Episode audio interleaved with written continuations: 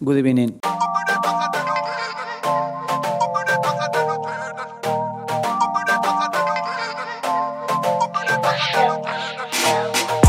Varmt välkomna till ett nytt avsnitt av Avbytarbänken. Nu snackar boll, där vi har någorlunda koll. Det är torsdag den 27 oktober.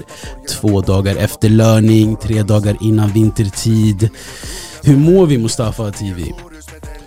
Vi mår eh, skitbra faktiskt, eh, förutom det krassliga vädret eh, som har ösat ner på oss de här senaste dagarna så Men alltså grejen är, det känner jag att allt annat eh, börjar gå uppåt. alltså, jag har alltid sagt att du, du påverkar, eller du flätar ihop ditt mående med vädret. Förstår du? Det är alltid så. Varje gång jag frågar dig, du kollar vädret, du bara Okej jag mår så här. okej jag mår så här. För, för vet du varför? Tell me bro. Allt i livet Mm. associeras med vädret. Du går till jobbet, du ska jobba, du ska gå och träna, du ska ut och träffa familjen, vänner. Vädret kommer alltid vara en faktor och en del av ditt liv. Okej, så du Och menar... det kommer alltid påverka dig. Okej, Så du menar esko, eskimoer eh, mår dåligt konstant eller? För det är kallt hela tiden. Nej, alltså om man är uppväxt i den miljön så är man anpassad. Det är det du måste förstå. Det finns vissa som ser jättemycket fram emot vintern och eh, det här, eh, inte kanske just kylan, men du vet att det snör, det lägger sig ner, det blir fint, vitt ute, pyssla och allt det där. Och jag kan förstå det om du är uppväxt och född och kanske har det där eh, råa blodet i dig. jag däremot, jag är en eh, en ganska varmblodig människa mig men jag föredrar värmen. Så som du- många andra. Och, Så, så du menar eskimoer när det, när det är minus 25, de bara oh wait, det är minus 25, det är tjockt bara, låt oss gå ut! nej, För de är vana vid minus 35 yani, det är det du Ja, menar? men De, vi, har, vi har andra perspektiv. nej, de har andra perspektiv. Alltså, vi, vi kan inte jämföra någon som bor nära ekvatorn med någon som bor i syd eller nordpolen. Förstår du? Ja, ja, Man, har, man är anpassad till olika värme och kyla miljön. Så det är, du väljer det du föredrar mest helt enkelt. Därav ser vi många spendera vintrarna i Sverige och så Mm. finns det många som väljer att ja, resa och försvinna under eh, vintern. På, ja, på tal om det, ehm, fan vad kul att vi får prata lite vanligt ibland. eh, Ja, innan, alltså, eh, nu när ändå vintern är här och vi vet ju att vissa har ju planerade resor på gång. eh, Vi behöver inte avslöja vem och vilka och hur många, men ja, ingen, vilka destinationer. Men vi vet att det är någonting som är igång. Det är something is in motion. Och, vi, vi kan säga förnamnet börjar på M och efternamnet slutar på I. och vi kan säga att det, kan finns ett som- vi kan ja, säga, det kan vara vem som helst av oss och låt oss vara ärliga, det är inte bara en resa vi pratar om, det finns flera resor. Det finns ett A-lag och det finns ett B-lag. De kommer förmodligen ta sig till olika destinationer. Det finns en möjlighet att de korsar sina vägar i samband med en mellanlandning. Ja, nej, jag, jag är resklar i alla fall för 2022. Men eh, det jag tänkte säga angående Jag, vädret, prö- jag sa, för det, by the way bara, jag sa aldrig något om 2022, jag sa vintern. Vintern sträcker sig ut till januari, februari, så det kan mycket möjligt vara 20, 2023. mm, jag vet, du, du, du, du, du, du tänker fotbollsårsmässigt. 22, 23, Mm. 23, 24, 24 Eller 25. fotbollsmässigt brukar det vara höst och vår, vårsäsong. Ja, nej, det jag tänkte säga angående um, um, Är det okej om jag öppnar en dricka? kläkten. Så ja, fan vad fint det lät. Eh, Nocco Raspberry Focus 180 milligram. Vet inte varför jag nämnde det. Kanske spons, kanske inte. Kanske någon som jobbar där. Jag har ingen aning. Eh, jo, det jag tänkte säga var innan, eh, när, vi ens, när vi håller på och pratar om vädret och så. Alltså, jag åkte tåg igår, som jag så ofta gör. Eh, och det är jätteovanligt att en, alltså någon kommer, alltså, sätter sig bredvid och börjar prata i Mm. Sverige. Men det hände igår. Det var en, alltså, ja, en gammal gubbe, runt 55 kanske, med en resväska, satte sig framför mig och började surra du vet. Och jag märkte, okej den här personen bor inte i Sverige. Vilket han visade också, han bodde i Spanien. Och den skulle flexa hela tiden. Ja, nej, han var pratglad, alltså, jag, kollade, jag höll på att kolla på någonting, skitsamma. Men det han sa, det var två grejer han sa, han bara, det finns två måsten i livet. Jag bara, ena visste jag. Vet du vilka måsten som han, eh, som han försökte Kan säga? du nämna den första som du visste? Den första jag visste var, man måste dö. Ah, okej. Mm. Det var det, jag, jag, jag har bara hört att man måste dö. Mm. Och nummer två var, man måste välja. Och jag tänkte, vänta, jag tänkte först vet, någon sekund, sen tänkte jag, ah, det är fan sant. Även om du inte väljer någonting, så väljer du att inte välja någonting. Ja. Så oavsett i livet måste du välja, så måste du dö. Det, det håller jag med, Ja, det är helt rätt. ja, jag- tyckte det var jävligt... Alltså tekniskt sett när du inte väljer att göra någonting, det är ett val också. Exakt, För du avstår från att göra något. Exakt, vad du än gör i livet, du väljer hela tiden. Du väljer att sova, Du väljer inte jobba, du väljer att jobba. Alltså allt. Vet du vad jag trodde du skulle säga där? Ja. Jag trodde du skulle säga man måste leva. Man måste dö, man måste leva. Nej, Alltså, Förstår le- man, alltså om vi ska vara mörka, man behöver inte leva. Det, det finns flera sätt att end Jo, life. jo, men det han kanske menar är att dö, eller tekniskt sett vi har kontroll över båda, men han tänkte kanske dö kommer ske förr eller senare, men leva, lev fullt ut. Yani man måste leva, man Mm. måste göra saker och ting i livet Ja, för att jag fattar vad du menar. Men man, eh, man kan inte bara stå stilla. jo, Du måste äta, du måste sova, du måste gå till jobb, du måste förstå. du Ja men, måste, det, ja men det där är inga måsten som, som du det är tvungna att göra. Du, du, du kan bara ligga i sängen och bara dö om du vill.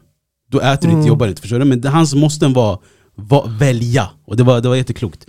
Eh, hur som helst, eh, fan vad vi behöver en sidopodd känner jag, bara snacka skit. Vem vet, det Ja. kanske kommer snart om någon, någon, någon, någon av grabbarna Låt vi oss känner. bara hoppa in och surra med några av de här andra. poddarna som existerar i, i världen och bara, och bara, du vet, bara, av, bara snacka fotbollsfritt ibland. Exakt, jag känner att jag vill eh, filtrera dem och bara kanske komma in där och bjuda lite på mig själv på en annan sida. Ja. Som inte man har bjudit folket på. 110%, 110%. Eh, jo, om vi ska vända oss till avbytarbänken igen. Eh, du var inte med förra avsnittet, eh, har inte hänt på bra länge. Jag minns att du missade eh, sist också när jag hämtade de tre grabbarna från Husby, jag tror nummer 10-rollen eller nummer 10 heter avsnittet, något sånt. Där vi snackade om, eh, jag tror det var exakt då Lampard fick sparken av Chelsea och Tuchel skulle komma in och ersätta. Hur som helst, det var ett tag sedan. Men har du hunnit lyssna på marängfyllda avsnittet där Wahid och Keita gästade? Ja, Vad tyckte du? väldigt intressant avsnitt. Eh, Även fast eh, ja, Real Madrid och eh, Barcelona-supportrar eh, är två olika klubbar är de fortfarande väldigt lika på många sätt. Är Real I hur Barca, de, eller? Ja, i hur de styrs, deras eh, eh, hierarki i klubben, Mm. eh, hela konceptet där eh, när han beskrev hur klubben är uppbyggd och att eh, det är en av eh, få klubbar tillsammans med Barcelona som ägs av fansen. Mm. Det vill säga mm. de som är medlemmar i Precis. klubben. Ja, det, är, det är ganska lika som du säger, de har haft en eh, de, de förlitar sig på så gamla spelare, Xavi, Zidane. Mm. Ena har dock back-to-back Champions League och den andra har back-to-back Europa League. to be honest. Ja, och eh, om vi ska vara helt ärliga, alltså, det är väldigt mycket likheter när man kollar på historia. Men Mhm. nutid är liksom en klubb på väg mot att slå historiska rekord, har redan gjort det, och en klubb är kanske på väg mot konkurs. Mm. Den är ju redan liksom, man har ju redan avvecklat vissa delar Mm. i, i klubben och eh, med eh, Champions League-pengar nu borta från eh, plånboken Mm. Ja, så ja, kommer det, det svida ännu mer. det är mycket som ska ryka, men låt oss använda oss av det det här Barcelona-kärleken jag har som verkligen osar eh, eh, kring hela avsnittet och låt oss trycka på space-knappen och börja avsnittet på riktigt.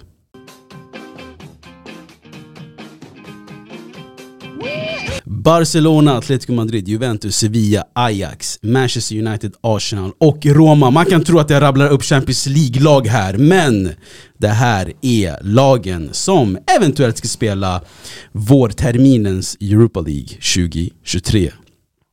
Eh, om vi hade sagt det här för något år sedan eller två hade jag bara sagt Barcelona, Atletico Madrid, Juventus. De här aldrig, det här är finallag min broder. Sevilla möjligtvis ja, United och eh, Arsenal är redan där, Roma är redan där. Roma vet inte om de kvalificerar sig, de ligger tre just nu. Sen kan även Sevilla eller Dortmund, någon av de två eh, gå ner till Europa League. Men det här är fan i mig Champions League-lag alla. Och uh, Atletico Madrid, Bayer Leverkusen, det är fortfarande en kamp mellan dem. Atletico Madrid, är- de, de, de kan inte gå vidare längre. Nej, då är det en kamp mellan dem för tredjeplatsen, Europa League. Ja exakt, ja ja. Men alltså, kan du fatta att den gruppen toppas av Klubb Brygge? Och Porto eh, på, en, på en andra plats. Eh, på förhand, eh, nej. Eh, men jag skulle säga väl att eh, jag är inte chockerad att Bayer Leverkusen kanske åkte ut. Mm. Däremot eh, Atletico Madrid, det, det är något lag man förväntar sig. Speciellt i en sån grupp, att de ska ta sig vidare. Men jag tror som sagt eh, vi kommer stå inför en ny era här i fotbollen. Ah, alltså era, du vet när du säger era, jag tänker på de nästkommande 50 åren. Mm, Nej, åren. jag tänker mer på så här 5-10 åren, alltså decennium. eh, Den här Mm. typen av eran. Eh, Jag tror att många lag som inte har förberett sig för den här ekonomiska situationen som har uppstått kommer ha stora problem i sin utveckling och framgång. Och därav eh, kommer vi se många av sådana här namn och toppklubbar i Europa League. Så jag tror inte det här är, det här är ju inte första gången heller. Eh, Det har ju hänt många gånger tidigare där man har haft många topplag som har hamnat där eh, Mm, mm. i andra divisionen i Europa. Men eh, det är roligt också. Då har man någonting att tugga och titta på lite på torsdagskvällarna. Alltså, nej, nej, nej, nej, nej, lägg inte den Alltså för att nej, du, nej, nej. vi alla vet liksom efter tisdag, onsdag hur bra en matcherna är, hur roligt en man är, hur stort en sällskapet är. Det kommer alltid finnas rester kvar från snackset och det där tilltugget vill man bara avsluta på en torsdagkväll. Så det kan vara bra att ha Alltså- någonting att titta på, någon typ av underhållning. Nej, nej, nej. Du ska inte ge mig den här bajsmackan, lyssna alltså, jag, alltså grejen är, även typ, se tisdags Champions League omgången Jag lovar, det var ingen sån här skön match, stor match Det var såhär Chelsea mot eh, Salzburg klockan 19 och sen eh, Zagreb, Milan alltså, det, var, det fanns inga matcher som man kunde ta på Den största matchen var detta City mot Dortmund, som blev kryss tror jag Ja, kryss Ja, det prov på vad du är för typ av fotbollsspän. För mig eh, var Benfica-Juventus en väldigt underhållande Exakt, match. men det jag försöker säga här Även om de här matcherna är de, de här tisdagsmatcherna Mm. Och säg att torsdagsmatcherna, säg att United, eh, okej inte United, men säg att typ Juventus Ajax möts och sen Barcelona mot Arsenal Alltså fortfarande är tisdag som är the it Torsdag, man kommer inte prioritera, man tänker ändå Det är hela Europa League-stuket, det är någonting över Europa League som gör att Är det den här dassiga låten, är det den här skitlåten som spelas innan? Är det jag vet inte, alltså så fort du spelar en match på torsdag, Mm. den, den, den, är inte, den är inte värd någonting. Ja, alltså det kommer alltid ha ett lägre värde, det Såklart. förstår vi. Men jag tänkte bara ett någonting för att avsluta resterna. ja, det är, men det är resten. Restvärdet brukar man kalla det. Förstår I du? matematik. Ja, i matematiken. 100%, 100%. Ma- eh, Jag vet att du är mat- mattesnillet av oss två, men jag hänger med på dina svängar här. Cosinus-svängarna. det, det, det jag försöker säga här, eh, oavsett lag som spelar i torsdag kontra tisdag, kommer tisdagsmatchen alltid vara högt prioriterade. Ja, men det är Champions League. 100%. Men du var inne på att eh, Benfica-Juventus var din tisdagsmatch, ska vi kanske börja där och då? 4-3, Max Mm. Allegri, än en gång, fiasko. Eh, går inte att, att liksom lyfta sig från det här. Nej, eh, ett kort, eh, en kort stund där trodde man verkligen att eh, det kanske skulle bli en historisk vändning eh, som gav dem lite hopp. Mm. Eh, Men eh, jag tror mer eller mindre det skulle varit kört ändå. Eh, Nu är det ju så att då, ja, första andra platsen är också kört men de har ju fortfarande tredje platsen som står på spel. För att Mm. de har ju lika många poäng som Maccabi Haifa. Exakt, exakt, men de har även målskillnaden, det är inte så mycket skillnad där, jag ska vara ärlig. Nej alltså. alltså det, eh, nu minns jag inte riktigt hur mycket hemmamatchen blev men det är ju inbördes som räknas först. Så i nuläget kan det vara så Exakt. att det är Maccabi Haifa som tar tredjeplatsen. om de har bättre inbördes. Eh, Jag tror att det blev ju 2-0 till dem hemma. Mm, mm. Eh, Men eh, väldigt intressant att se den där matchen. Eh, Benfica spelade ju inte så mycket för liksom kanske kvalificeringen. Det var väl mer första platsen som de nu delar med PSG. Mm. Eh, Och det kommer ju avgöras eh, sista matcherna. Eh, Men eh, jag tycker... 3 3-1 vann Juventus den matchen, så det är två måls skillnad där. Alltså jag lovar dig, det kan bli en... Ja, Juventus kan ha sin lilla interna cup i Turin, skit i Europa League. De, de gå det, det, det handlar ju om vem som kommer ta mest poäng i sista omgången. 100% Men eh, en mycket bra grupp och mm, självklart alltså de här klubbarna du nämner, eh, Juventus, eh, sen har vi ju Atletico Madrid. Eh. Atletico Madrid och Barcelona. Det är ju stora besvikelser men å andra sidan är det ändå lite uppfriskande att få se sådana här klubbar igen. Att Portugal har två klubbar som kommer tillbaka till alltså toppen och gör bra ifrån sig. För det fanns du vet, förut i historien där man hade Porto och Monaco när Mourinho vann Champions League. Sen har de här lagen sakta men säkert fadat bort för att de har inte råd och compete. Mm, tävla med de andra toppklubbarna. Men nu är det skönt att se ändå så här Club Brugge, som du kallar the dark horse, Mm, mm. Napoli, som är Italiens bästa lag just nu. Och sen har du ja, Tottenham som sitter och stångas med tre klubbar, för där kan alla tre, Den fyra gå vidare. är så jävla intressant Alltså nu när jag tänker efter, det där är egentligen dödens grupp, vet du varför? För att den heter grupp D eller? Nej, det också. Men eh, oftast när vi brukar namnge en grupp, vilken som är enklast och vilken som är dödens. Mm. Man kollar oftast på vilka klubbar som är störst. Och sen hur många lag, vilka lag som finns i. Mm. Inter, Barca och Bayern München, det är tre toppklubbar Alltså visuellt är det dödens grupp. visuellt. Men Mm. När du tänker efter, den fjärde klubben är helt värdelös. Mm. Den är inte ens med i ekvationen. Men det här är en grupp där alla fyra klubbar är med i ekvationen. Innan den här omgången var det Marseille som var tvåa. Mm. Mm. Nu är Marseille på sista plats. Mm. Mm. Och Sporting och Frankfurt har gått om dem. Förstår du alltså vilken vändning? Alltså it's all to play for. Alltså, För allihopa. alltså visuellt, Tottenham ligger i etta nu med åtta poäng. Kolla. Alla kan gå vidare med en vinst. Mm. Så enkelt är det. Ja, exakt, det är helt sjukt. Men alltså, kolla bara poängsmässigt. Tottenham etta med åtta poäng, Sporting med sju poäng, Eintracht Frankfurt med sju poäng också, och Marseille på sex poäng. Mm. Alltså alla kan hamna etta, och alla kan åka ut. Tottenham eh, räddade ju det med eh, ett sent mål när de gjorde oavgjort. Annars hade det varit eh, fördel Sporting. Men även där, eh, nu vet jag att vi hoppar mellan olika matcher, men vilket är skönt alltså. Men Mm. även där, om vi nu är inne i Tottenham en snabbis. Såg du målet som blev av, avblåst? Ja, helt fel bortdömd. Det var ju en bakåtpassning. Mm. Han, alltså, den första spelaren, Emerson var inte offside. Klart och tydligt. Och när han väl passar den till Harry Kane, Harry Kane är ju bakom bollen. Mm. Alltså man ser det Mm. klart och tydligt. Emerson är längre fram. Även om det inte kanske syns alltså live, men på reprisen ser man det. Att han är bakom bollen, vilket betyder att du kan inte vara offside. Och även om den skulle få en styrning på den spelaren, man räknar ju aldrig offside om den träffar motståndaren. Det räknas Mm. från när din spelare passar den. Så det, det, är ett stort tabbe av eh, VAR helt enkelt, teamet.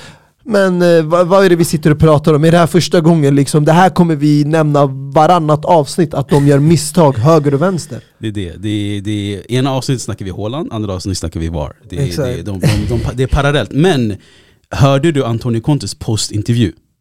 Nej. Jag tycker du och eh, lyssnar ni om The Producer är skön, lägger han in Antonio Contes postintervju nu. Antonio, what can you say about that, about the ending, about the whole game? About the end, about the end, I think that the the ball uh, was uh, in front of Kane, and the the goal is uh, is uh, is goal. Yeah, I don't understand. They were uh, on the line that they, they put, but it's very difficult to comment uh, this decision. I repeat, and we are, I think, is creating damaging a lot of damaging. Yeah, but we have to accept. Uh, I want to see if we stay in another uh, stadium or another uh, or, or big team, big team if they are ready to disallow this uh, this type of goal. Yeah, I uh, I'd like I'd like to know this. You feel injustice at the moment. Yeah, a lot, a lot injustice. Yes, a lot injustice. Som vi hörde Antonio Conte är riktigt frustrerad. Alltså inte på tonen så, men han fick rött kort i slutet, blev utvisad. Mm. Och det han basically sa som ni hörde, Uh, att ja, han bara, han ba, jag är så nyfiken att om, om VAR skulle göra så mot ett större lag än vad Tottenham är, säg att fan vet jag, Real Madrid hade exakt samma läge. Uh, och om VAR hade, i, i samma läge, samma slutminut, samma avgörande mål, samma, säg att det är Benzema istället för Harry Kane och så vidare och så vidare. Hade VAR steppat in och liksom blåst bort det här målet och försökt hitta någonting. Alltså jag säger så här, strecken, de här blåröda strecken när Emerson nickar ner till Kane jag vet inte fan, jag såg den bakifrån, jag ser inte hela vinkeln du vet, där man verkligen vill se från någon eagle view eller sånt där skit. Det går ju inte att hitta den. Nej, alltså jag fick se en eh, vinkel från eh, nästan hörnkanten kan man säga. Alltså det var ju från sidan där eh, exakt Emerson Royal stod och nickade tillbaka den. Mm, Och från, den, alltså från den vinkeln så tycker jag det är klart och tydligt, ingen offside. Jag förstår Antoni Contes frustration och jag håller med till en viss del att toppklubbar eller storklubbar har en fördel. Men det gäller inte alla toppklubbar kan jag säga. Det är utifrån eh, upplevelse och erfarenhet vad man har sett. Eh, Real Madrid, ja. Eh, back in the days, nu är Barcelona Barcelona. Tillbaka äntligen till Barcelona. Förut var de Uefa-låna. Men nu har de återgått till sitt eh, normala värde. Men eh, The hate is real. det finns många toppklubbar, eh, även i England när man kollar Premier League. eh, United och Liverpool har varit klubbar som ah, har haft en mer mäktig position om vi säger så. Och därav eh, kan det vara så att domare dömer till deras fördel, men nu handlar inte det egentligen om att bjuda på någonting. Det här handlar bara om rättvisa. Att Mm. döma rätt eller fel. Mm, mm, mm. Alltså, I don't know. Alltså jag hatar att vara konspiratorisk, jag Mm. hatar att snacka om domare. För grejen är, either way, om, om det, det här ska vara avgörande för dig, då är det inte tillräckligt bra. Kan man också dra den parallellen? Förstår du den diskussionen? Jo men i det här sammanhanget nu när schemat är så tight och det är intensivt i matcher, jag förstår Conte för hade de vunnit den här matchen, Mm. de hade varit alltså klar, klara för vidare kvalificering. Sen tror jag det skulle bara vara spela om första eller andra plats. Självklart, det var ett av, då- det avgörande mål som kunde ändra mycket. Och då får han vila spelare, kanske i nästa Champions League-match, som kanske inte blir lika avgörande och viktig, och kan fokusera lite på ligan. Så på så sätt, jag förstår ju, man vill ju ha den här eh, möjligheten att kunna rotera i truppen, du kanske inte har lika stor och bred trupp, du har skador, du vill inte ha allt att spela för i den sista gruppspelmatchen. Oftast, vi är vana vid att i den sista gruppspelmatchen, det brukar vara avgjort. Mm. Mm. Men nu i den här gruppen, för oss neutrala fans, det kommer bli en livlig dag när de här spelar. Det, det är två skärmar. Ingen kommer ha på de andra topplagen. Nej, nej, nej, det kommer nej, vara. Ja, ja. Tottenham, Marseille, Sporting, Frankfurt. Det är de skärmarna. Men det, det sjuka är, du vet, igår, eh, jag snackade med, eh, med grabbarna och de frågade, de frågade varandra ah, vilken, vilken huvudmatch sådär. Jag bara, alltså Barca Bayern tänkte jag först.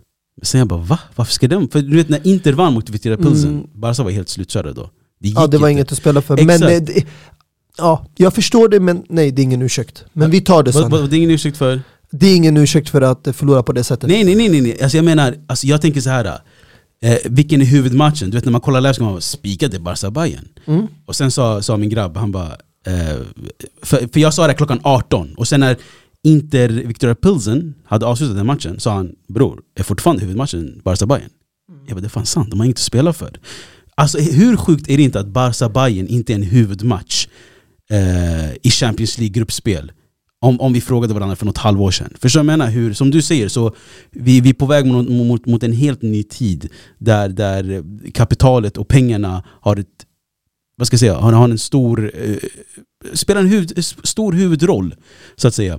Barcelona, att vara ärliga, total fiasko om man ska, om man ska se sådär, om jag ska vara skithård. Eh, utsett från deras förutsättningar, vad de har värvat, eh, hur de har betett sig mot sina egna spelare från grunden. Eh, exempel Frenkie de Jong som har knappt spelat, är kvar i klubben. Eh, vi, vi har haft Kasse här, ni får gå Mm. tillbaka och lyssna på det avsnittet. Det jag ser är, det är under all kritik. Xavi, du vet den förlorade sonen kommer tillbaka. Men let's be honest, alltså, han, har, han har den sämsta recorden av alla de Alltså, här. Förstår du varför när eh, man pratar om hur det går för vissa tränare, när vi haft diskussioner om till exempel, nu pratar man ju om att Xavi ska få sparken. Och vi har, That's varit, insane. vi, och vi, nej men vi har varit inne i liknande spår när det gäller Allegri med Juventus, vilket fortfarande är väldigt aktuellt.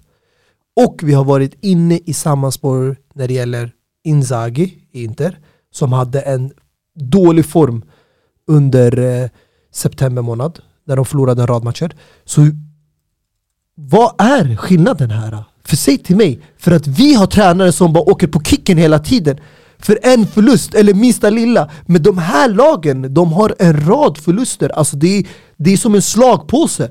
Förstår du? Varannan match, höger, vänster. Det är så här, man kommer tillbaka till ligan, okej man vinner. Går tillbaka till CL, och bara blir piskad. Men de här spelarna, eller tränarna, de får behålla sina jobb. Vilket eh, jag beundrar. Alltså den här hierarkin. Alltså det jag beundrar är tålamodet och jag önskar att det kanske, ett sånt där tålamod, det här handlar inte, så att du missförstår mig inte här, det här handlar inte om Chelsea, det här handlar om England generellt. Vissa klubbar har tålamod, men i Premier League, det är mycket mer striktare än andra ligor. Och det kan man se i alla toppklubbar. Om det skulle gå så långt som det har gått med Allegri i Juventus, eller Xavi Barca, jag lovar dig, det, det spelar ingen roll om du är före detta spelare. Du kommer få sparken. Du kan inte rada upp så här många förluster och förlora på det sättet. Alltså tre poäng Mm. efter fem spelade matcher. Kom igen. Ja, som, ja, som sagt, Xavi har, har haft den sämsta starten på, när man, sett vid 50 matcher.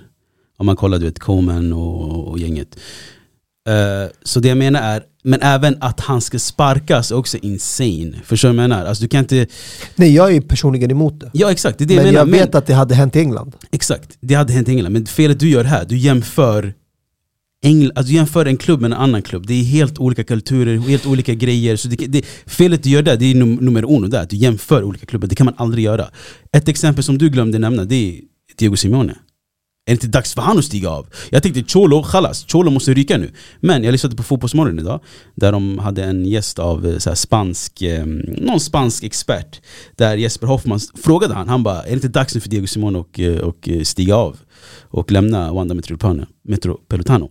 Met, Wanda Metropolitano. Fan, jag måste säga det lite saktare. Och där han den här spanska experten sa han bara nej, det är, inte, det är inte på frågan, han ska inte någonstans. Alltså han, han är älskad av sina fans och han är den mest betalda tränaren by far och hela den grejen. Så att jämföra till exempel Atletico Madrid med Chelsea, även om det har gått bättre för Chelsea och du vet de har vunnit eh, kanske titlar och alltså, du, du är aldrig säker som en Chelsea-tränare. Alltså Diego Simone kan dö i Atletico Madrid. Jo men du som fotbollsfans, Mm. vill du hellre, alltså, jag vill ha en mix av det där. Jag vill ha en tränare som får tid att bygga upp eh, sitt lag. Eh, om det ska vara ett långsiktigt projekt, då ska tränaren kunna få bearbeta den här processen tillsammans med spelare. För att i slutändan, du kommer inte sparka spelarna, du sparkar bara tränarna. Så att spelarna hela tiden ska få en ny tränare som har en, en ny filosofi, kanske en annan spelsystem. Det blir jobbigt för dem hela tiden också. För att de måste hela tiden anpassa sig till en ny fotboll som de ska spela. Sen om de har tur så kanske kommer en tränare med liknande filosofi och spelidé och kanske har en samma speluppställning, fan vet jag. Men du kan inte hålla på hur länge som helst utan resultat. Nej det går inte I heller. Xavis fall, ja han har precis anlänt, han har bara varit i klubben ett år. Så jag kommer inte vara lika hård med honom. Men jag säger bara, förväntningarna från deras egna fans, Mm. hypen kring den här klubben efter det här transferfönstret och investeringarna de har gjort utifrån deras ekonomiska situation där de har tagit pengar, resurser från egna avdelningar som har avvecklats. Det, det, det är stora grejer som står på spel och alla vet hur viktiga de här pengarna är att kvalificera till knockout stages efter gruppspel i Champions League. Mm. Mm. Det, det här är stort, eh, alltså ett stort minus för eh, hela klubben och nu i det här fallet så vet vi att den här tidigare presidenten Laporte han har ju en väldigt bra relation med Xavi så förmodligen kommer de här lösa det sinsemellan men i längden jag tycker det är inte acceptabelt så när det kommer till Diego Simones situation Mm. Jag håller med där, han eh, borde stiga av, eller han borde ha eh, stigit av för ett år sedan tycker jag. Eh, han borde avslutat på topp. Och, När eh, ligan, när Suarez kom. Ja, och han han, han, borde vänt sig då kanske kunnat hunnit ta över Juventus innan Allegri eller möjligtvis kanske tagit över en klubb som Roma innan Mourinho eller om han vill gå till PSG, han kanske kunde ha tagit över PSG efter Pochettino. Någon, han hade, jag tror han hade haft alternativ att välja mellan. Mm. Mm. Eh, nej men det jag tänkte säga med, eh, med Xavi, absolut, det ska inte komma på tal att han ska få sparken. Det, det förstör bara. Grejen är, det jag älskar och det jag gillar med att det, det, det går lite sämre för de här stora lagen Jag hatar översittar, du vet mentaliteten de här lagen har hela tiden varit ah, men vi är vackrast, bäst och störst, ingen kan röra oss och hela den grejen Känn på den här som vi har känt i tio år, förstår du vad jag menar? Kom! Vi ska sitta tillsammans, förstår du? Back to back, Back Europa to League. back Europa League, förstår du? Alltså jag är ingen sån här, jag, jag, jag, alltså jag är inte skadeglad, det är inte det jag menar Men jag gillar att folk blir mänskliga igen, kom ner på jorden fötterna på jorden. You get me? Mm. Så det jag menar, i slutändan, det är 11 människor som spelar. Vi har 11 människor, du har 11 människor. Men alltså, via tiden och du vet, när den här spanska vågen har lagt sig, du vet, de har vunnit VM och EM med Barca-spelare bara endast, förstår du? När de går i pension, vad har du då? Förstår du? Det enda som är kvar är Busquets nu, som ska lägga av nu efter säsongen. Men jag vill att du förstår varför jag är så hård med orden och min kritik mot dem, det är för att de själva, Mm. jag hade inte de förväntningarna. Jag var väldigt skeptisk, det vet du själv och Mm. folk som har hört min åsikt om Barcelona och eh, vad man ser fram emot och förväntar sig. Jag var väldigt skeptisk, jag sa det går inte bara att köpa massa spelare. Mm. Tro inte bara för att ni hämtar en före detta spelarlegend som har en smart hjärna för att han var en bra spelare på planen kommer vara lika bra som tränare. Det, är- det är inte samma typ av jobb, lita på mig. Det funkar inte på det sättet. Men de själva, inklusive våran gäst Kasse som var här och många andra som jag pratat med, deras egna förväntningar var ligan spik. Det var exakt vad de sa. Det, det kan de fortfarande vinna Det, ja, det kan de fortfarande vinna, det ska inte vi ta bort ifrån dem. Men det ser inte just ut. Efter, eh, Ja lugn, efter eh, El Clasico. knockouten eh, i El Clasico, exakt. Eh, och eh, de sa Champions League, de var självsäkra. Till Ja, skillnad ja, från oss ja. som sa att det kommer vara mellan Inter och Barca. Mm. De bara, "Hä, Barca, liga, eh, Champions League, det är vi är vidare från gruppen. Mm. Mm. Sen om man vinner, men, vinner, men vi, alltså, vi skulle nöja oss med en semifinal. Okej. Från Europa League, ni ska vinna ligan och komma Champions League semifinal. Det, är, det är stora eh, hopp måste jag säga. Det här, du, du går inte upp för en eh, vanlig trappa, inte så en rulltrappa, det här är en hiss. Upp till toppen. De tror det är så enkelt och det är därför jag håller med dig där. Det är skönt att äntligen de får känna på nu när du ändrar så många spelare i truppen, när du köper in så mycket spelare, kolla hur svårt det är att bygga upp laget. Det är inte lika enkelt som ni tror. Bara för att man kastar massa pengar. Det är inte enkelt att vinna titlar och bygga upp lag. Det tar tid och det kommer vara jobbigt. Och ni kommer gå igenom många käftsmällar. Alltså obviously, jag måste bara ta avstånd, alltså, jag är inte i samma du vet den här båten som du är i jag, Jo, men jag, det är jag, klart. Nej vadå, vadå, varför Det är klart, för du har inte 2009 inristat i hjärtat. Drogba, eller hur? Play, play, play that clip! Exakt. Man uh, trying to stop Drogba getting himself into further trouble. Nej men det jag menar är, jag är mer så här uh, alltså kom ner på jorden, förstår du? I, I slutändan, vi är alla toppklubbar, vi är alla storlag. Men mänskligheten och du vet den mänskliga faktorn kommer ikapp Och det är hela tiden, du vet Um, uh, Alltså man måste regroup helt Mm. enkelt Som alla lag gör, och egentligen är det Barcelonas tur. Det är det enda jag säger, jag har inte ett hat mot Barcelona. Tvärtom, jag gillar Barcelona som lag. De har alltid spelat fin, eh, fin fotboll. De har alltid haft de bästa eh, underhållande spelarna. Alla Ronaldinho, alla Edgar Davids och hela den grejen. Eh, Messi, självklart. Sjukt att jag nämner Davids mitt i allt Men det var, det var det jag tänkte på när jag tänkte på Ronaldinos Mm. hår och de spelade samtidigt, du vet, och Edgar Davids är nummer tre, oh, vad fint. Hur som helst, det jag försöker säga är Jag gillar att det blir mänskligt igen. Förstår du? Det är fint att se Jag tror det, vi kommer se ett mänskligt Barca framöver, hur bra det går. Men jag tyckte också det var skönt att Leipzig vann mot Real Madrid I, var det, Ja, i det var en bra match, öppen, eh, sen Även om det var betydel- betydelselöst Nej, för Real vet, Madrid det, så... Exakt, men det, äh, ja, ja, det, det, var, det var väl betydels- betydelselöst Men det, det var fint att se att eh, Leipzig vann mot eh, Real Madrid. Även om Leipzig är, är en, eh, vad säger man, ett kontroversiellt lag Och du vet hur de har kommit upp till toppen och allt det där Mm. har ifrågasatts. Men sen tycker jag också det var kul att Timo Werner har hittat tillbaka, gör mål och hela faktiskt, jag tycker det, jag är glad för hans skull. Det är Obviously. väldigt fint att se. Han får göra näta igen mot Real. Han gjorde det året han lyfte CL-bucklan. ja, ja, men de här toppklubbarna kommer alltid eh, kommer alltid få en reality check. Det är bara så. Hur Ja. bra det går, eh, hur bra formen är. eh, Alltså, jag tror i dagens moderna fotboll, det är väldigt svårt att gå en hel säsong oslagbar. Det är det, alltså det är, även vi har sett City som har plockat och gjort rekord till exempel på 100 poäng. De går inte en hel säsong utan förlust. mm. Det fanns en tid där man kunde kalla sig invincibles, men jag tror inte det kommer vara möjligt i varken Champions League eller i inhemska ligan.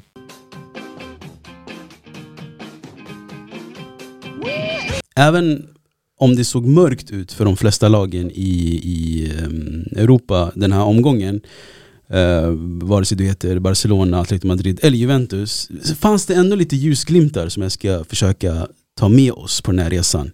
Eh, jag tänker vi ska gå och besöka dagis, eller dagis lät fel, men lite ungdomar. Mm. Eh, Juventus, även om de har svartvitrandigt och att nu är det de, den svarta färgen som dominerar, du vet, det är mörkt just nu.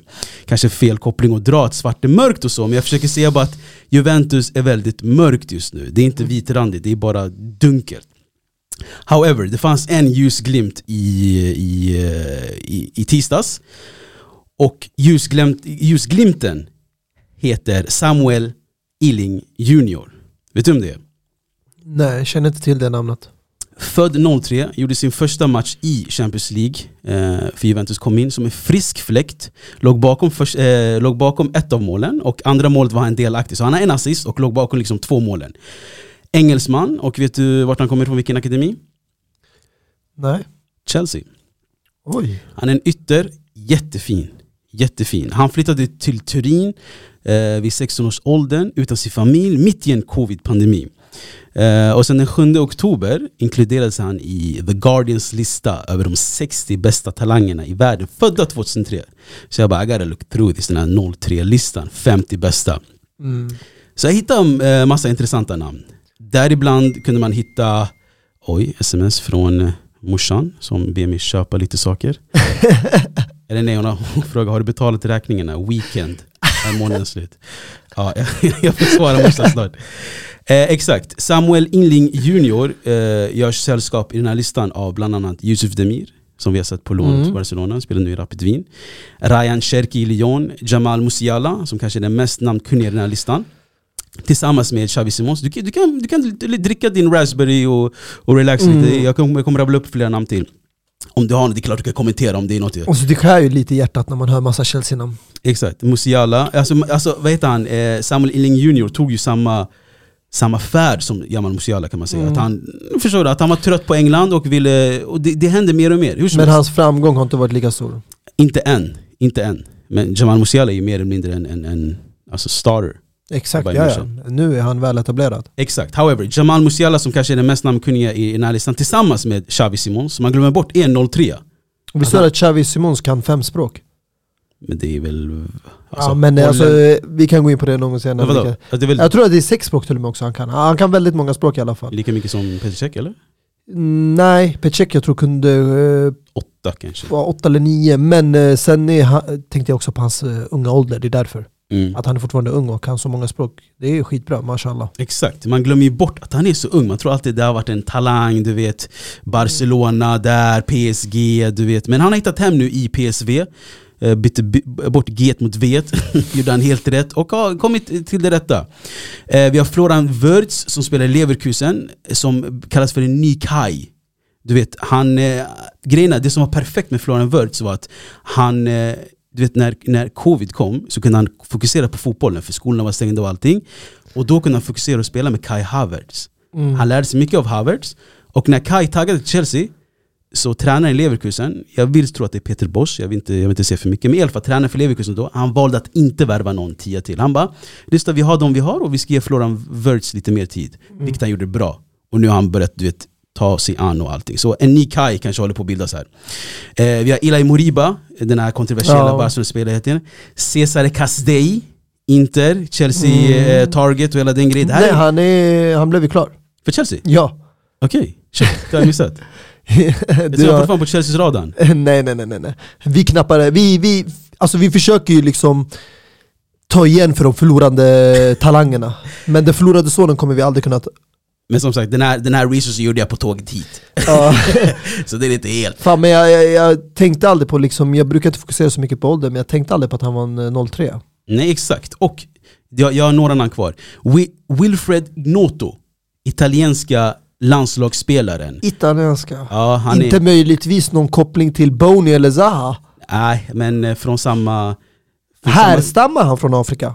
från samma kontinent. Ja, han är, han är han svart. om han är en. Balotelli. Italiensk Balotelli. Exakt. Balotelli till Barboa.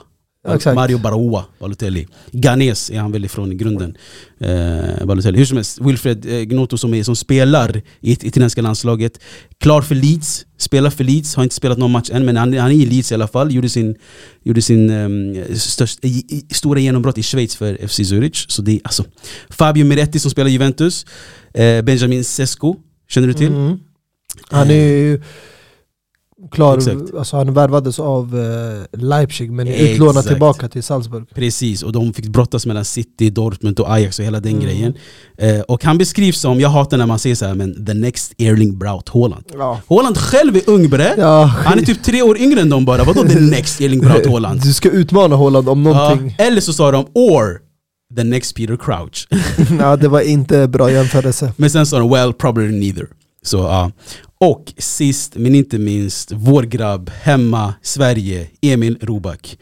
Eh, men han kanske det går allra sämst här för. Sorry om du kommer att gästa snart, det här kommer du inte få höra. Men eh, han, är väl, han har lämnat Milan, spelar nu i Skandinavien igen.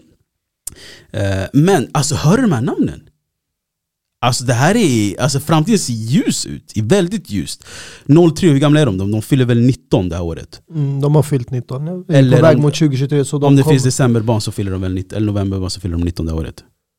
Eh, Ja, men finns Exakt. 18, 18 19 yani. det är en bra ålder, det är många talanger men eh, som sagt, eh, de flesta som du nämnde, de spelar ju i mindre klubbar. Det är inte så många som har eh, tagit sig hela vägen och Mindre och lyckats... mindre. Alltså, jag fattar att Juventus inte är med i Champions League med Fabio Miretti. Nej men jag Juventus. tänkte inte just på honom, men eh, de flesta spelar inte i toppklubbar.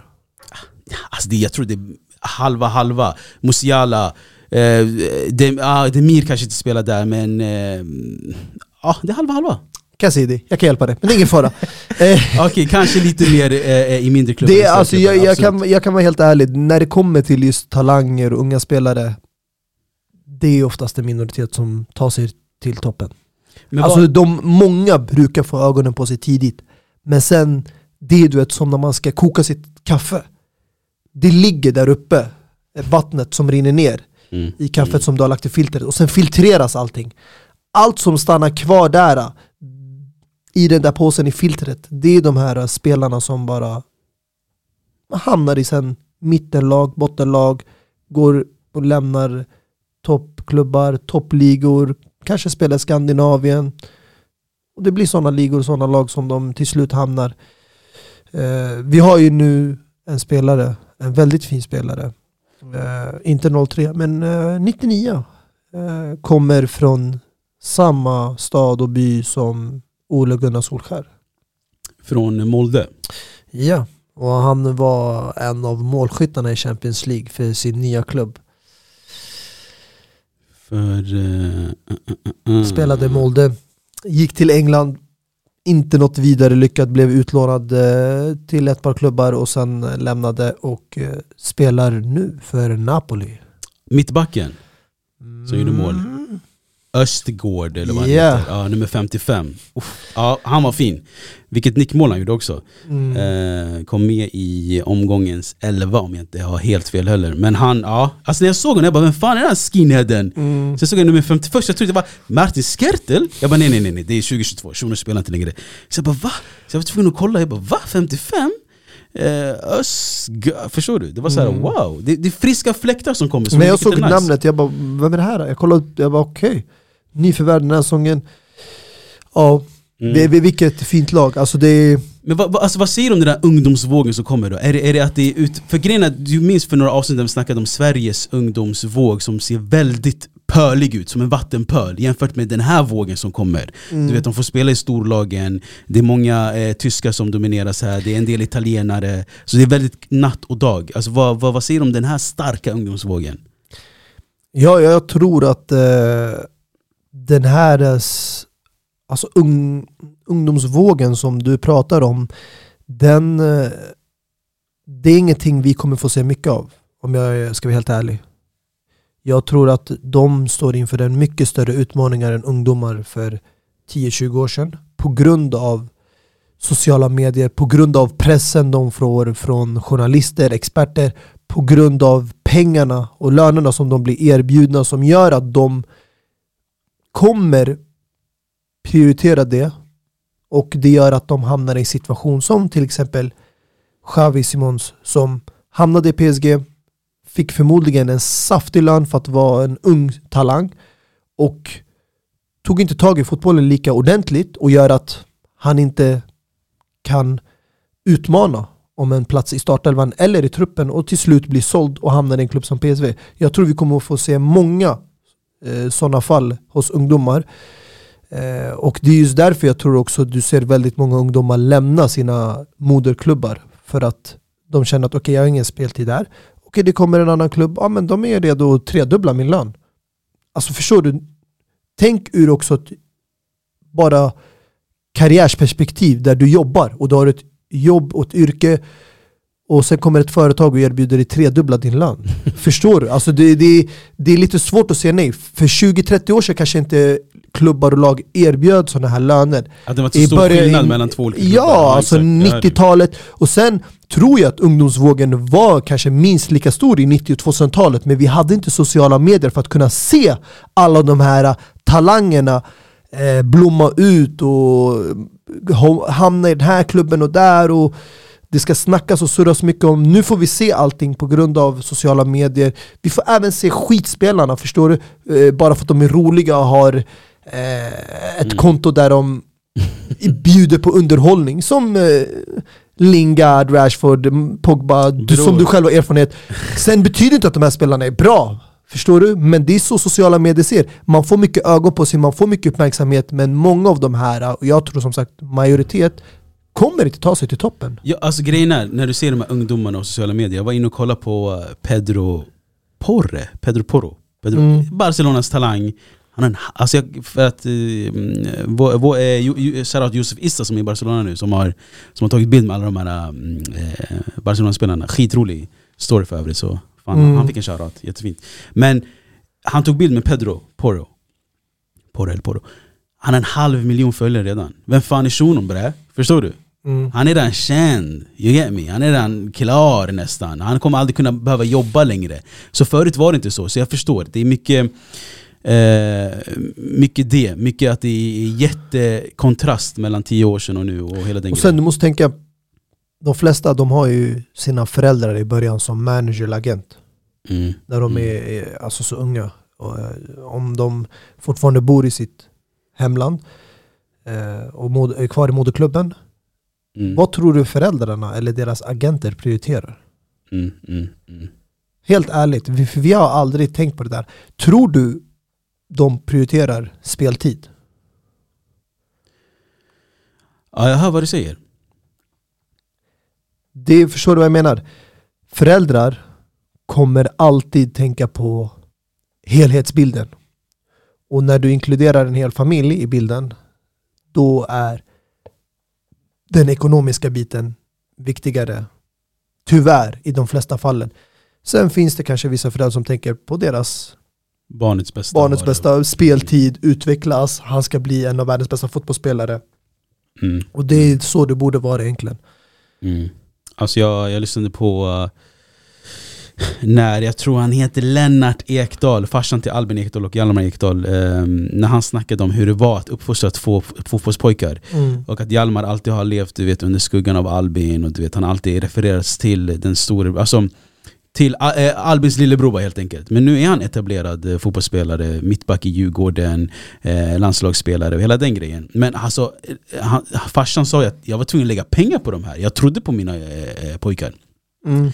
Så det föräldrarna och hela den grejen har en stor, stor bit. Vi, vi båda känner grabbar som är otroligt bra på fotboll, men fick inte den här familjestöden och hela den grejen. Eh, alltså sånt här ämne kan, kan vi snacka om, du vet, eh, som ett helt avsnitt. Vi kanske ska ha som ett ämne någon gång, du vet. Du vet vad... Uppväxten av en spelare, vad de går igenom och vad som gör att de kanske lyckas eller inte lyckas och hamnar på fel väg eller i, i fel riktning i livet. Mm, mm, och mm eh, slutar med ingenting istället för med allt. Uff, ja, fint. Du har redan skrivit klart vår ingress till det avsnittet. ja. Vi kanske ska hämta till och med en gäst som har, liksom, hade en fin mm. utveckling och en fin framtid men det hamnade helt snett. Så vi kanske ska hämta en sån. Ja, alltså en, eh, en gäst som kanske känner till sådana historier också. Okej, lämnar oss lite på du vet eh, to be continued aura. I like it a lot. Mm. Eh, jo, innan, jag tycker ändå vi, vi känner oss ganska klara, men innan, eh, vi har ju snackat mycket om ungdomar och så, jag vill bara lyfta fram två namn till. Dock, de här är inte 03 Men jag ska ge er två namn, håll koll på de här, de här kommer bli du vet, bangers. Den ena är, spelar Shakhtar Donetsk. Mudrik heter han, Mm. ukrainare. Jag känner till honom. Mm, exakt. Han var redan eftertraktad under Precis, sommaren. väldigt Arsenal-target. Ja. Eh, Född 01, gjorde en av omgångens finaste mål i alla fall. Hade sin kant, you get me, det var hela vänsterkanten var hans. Mm. Och han kom fri en gång, eh, fri eh, en sekvens och sen passade han sin eh, lagkamrat och jag lovar, det var miss of the season. Alltså, nej, nej, vet du vad kommentatorerna sa? Det här är miss of all time. Jag måste visa det sen när vi, när vi, när vi lägger på här. Eh, så Mudrik, Mm. Mudrik kommer bli the, back, the next big thing. På, på, alltså, nej, han, är- han är fin, han är fin. Och det andra namnet, engelsman. Det har varit många, engelsman, det betyder att England du vet is coming home maybe soon. Marcus Edwards. Vet du om det? Edwards, det är anfallaren. Mm, det är han väl. Ja, en offensiv spelare i alla fall. Vet du vart han spelar? Spelade i Champions League den här veckan. Har bär nummer 10 Celtic? i Sporting Lissabon. Färgerna var rätt i alla fall. Sporting Lissabon. Ja, Edwards, men är han engelsman? Marcus Edwards. Ah, okej. engelsman. Hans morsa är dock från Cypern. eh, så han, han är eligible to play both for England and Men var, Cyprus. var han i tidigare Celtic? Mm, nej, nej, nej, nej det tror jag inte. Det tror jag inte. Om du inte vill testa mig helt och få mig att börja googla. Nej, Marcus Edwards spelade mot Tottenham. Mm. Och det fina är... Jag har sett uh, solomålet där. då. Ja exakt. Mm. Och det fina är att han är Tottenham akademispelare. Okej. Att han får göra det här målet mot, mot, mot liksom sin, sin moderklubb med tian i Portugal, engelsman. Dock ska målet juridiskt ifrågasättas, det vill jag inte ta, eh, jag vill inte ta Edwards något ifrån det men målet det var, det var inte så värsta, det, bang. den rullade sakta men juridiskt kunde inte ta den heller. Mm. Men Mauricio Pochettino 2016 sa han, han, han har liknat han med en Lionel Messi.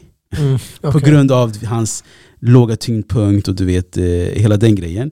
Och dagen efter han gick ut i media och sa ah, det här är ny, nya Messi yani. Dagen efter så eh, tog han ut han till eh, ligacup-truppen. Fick komma in en, med en kvart kvar. Han var så jävla nära att göra mål.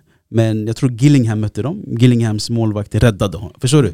Så det här, this is, this is the guy. Förstår du jag menar? Det påminner mig lite om eh, du vet Jude Bellingham, auran och hela den grejen. Även Lewis Baker som spelade i Chelsea ett tag som jag hade jättehöga förväntningar på. Påminner lite om den, den auran. Det är ju, vissa spelare, även fast man ser väldigt mycket potential i dem Ja. och de har fina kvaliteter så slutar det inte bra för alla. Mm. Jag tror det har mycket också med relationer med eh, kamraterna och tränarna. Om inte man kommer överens eh, eller passar in i laget. Man Och blir allmänt. bortplockad. Och allmänt England är nog alltså, vä- alltså, världens svåraste land att slå sig in i. Mm. Det finns fotbollsklubbar vart än du vänder dig, det finns prospects vart du än vänder dig. Alltså, vi har sett ungdomsleden, alltså, spelare som inte gör, alltså, inte ens blir någonting i sina klubbar kan bli värsta stjärnan i typ Crystal Palace eller typ West Ham eller någonting. Och det syns även på toppklubbarna att eh, Ja. stora talanger lämnar England för att gå och spela i bland annat Tyskland för att de vet att det är väldigt hård konkurrens. Vilket- och chansen är större att de kan lyckas i ett annat land där det är mindre prospects kanske. Alltså disclaimer, jag säger inte att nödv- nödvändigtvis att alla de här spelarna är bäst, att de är bra. Jag menar bara konkurrensen är så pass hög för alla Mm. vill bli fotbollsspelare. Det är ett liksom tätt land. Många delar samma dröm och många delar du vet, samma, mm, hela den uppbyggnad och hela den grejen. Eh, uppväxt heter inte uppbyggnad, det är inte byggnad vi snackar om, det är människor, what the fuck. Eh, så väldigt ungdomligt avsnitt, vilket jag gillar, och många namn vi har spottat ut, vilket kommer vara nice att lyssna på om några år när de har blivit någonting och kan säga Ey, det var de här namnen vi Mm. rabblade upp! Och 50 namnen var det två namn som. Exakt, men det kommer vara någonting liknande. Även det blir kul. Eh, Det är så mycket mer vi snackar om, jag tycker vi, vi, vi knyter ihop säcken här. Bland annat vi har snackat om typ att jurist måste börja ifrågasättas, men det, men det tar vi när VM börjar, när trupperna sätts. Vi har stora planer inför eh, eh, VM, hur vi ska snacka om det. Men mer om det allt eftersom. Jag känner mig klar, om du känner dig klar. Jag känner mig också klar. Jag känner, vi har fått med det mesta. Både den mörka sidan som vi började med, men också den ljusa sidan Precis de av eh, den här veckan. Exakt, så jag tycker det blev ett jättehärligt avsnitt. Jag tycker nästa torsdag är det sista Champions League-omgången. Då tycker jag vi ska ha lite mer roligt, vi ska spela upp när, vad vi trodde hur grupperna skulle sluta kontra hur de har slutat. Vet du, jag, tycker vi, jag tycker vi ska vänta med efter de har kört klart och man har fått se lottningen. För då kommer vi veta vilka som ställs mot varandra efter gruppspelet. När är lottningen? Är det fredagen direkt efter? Det brukar vara torsdagen eller fredagen. Om, om det är fredagen direkt efter kan vi spela in avsnittet på fredag. Mm. Då blir det kul och så. För det Men- brukar vara under lunchtid. Ja exakt, då kan vi kan komma hit efter jobbet och spela in Men vi vill inte lova för mycket heller, jag vet, du vet, jag vet själv att du är en mycket upptagen man Dina fredagar och lördagar är väldigt upptagna med diverse grejer Eh, så vi alla är upptagna ja, med men, livet. Ex, exakt, må, exakt Vi alla är upptagna med två val. Eller två Exakt. saker, två måste saker. Två måste saker En kan vi lägga i hyllan på garderoben, Exakt, måste dö. ja, exakt. kan vi avvakta med. den, den vet vi aldrig, vi kan inte styra över den Exakt. Men den andra, Den andra, den är hela tiden aktuell. Jag måste Mm. välja. Du må. Så vi väljer om vi vill spela in på torsdag eller fredag eh, Med det sagt, eh, ha en super fredag måste jag ändå säga För det här kommer släppas på en fredag midnatt ungefär Och eh, från min del, passa på och njut. Även om det inte är så bra väder, så det här är det bästa ni kommer få nog den här månaden. Och då menar inte jag bara oktober, också mm, början av november. Ni kommer inte få så här bra väder längre framöver. Så passa på och eh, sträck på benen. Exakt, passa på att sträck på benen, passa på att se fram emot snön också, kylan eh, Livet är nice om du väljer att låta det vara nice Exakt. Med det Valet sagt- är ditt. Valet är ditt. Med det sagt, vi hörs nästa vecka. Ciao. Peace.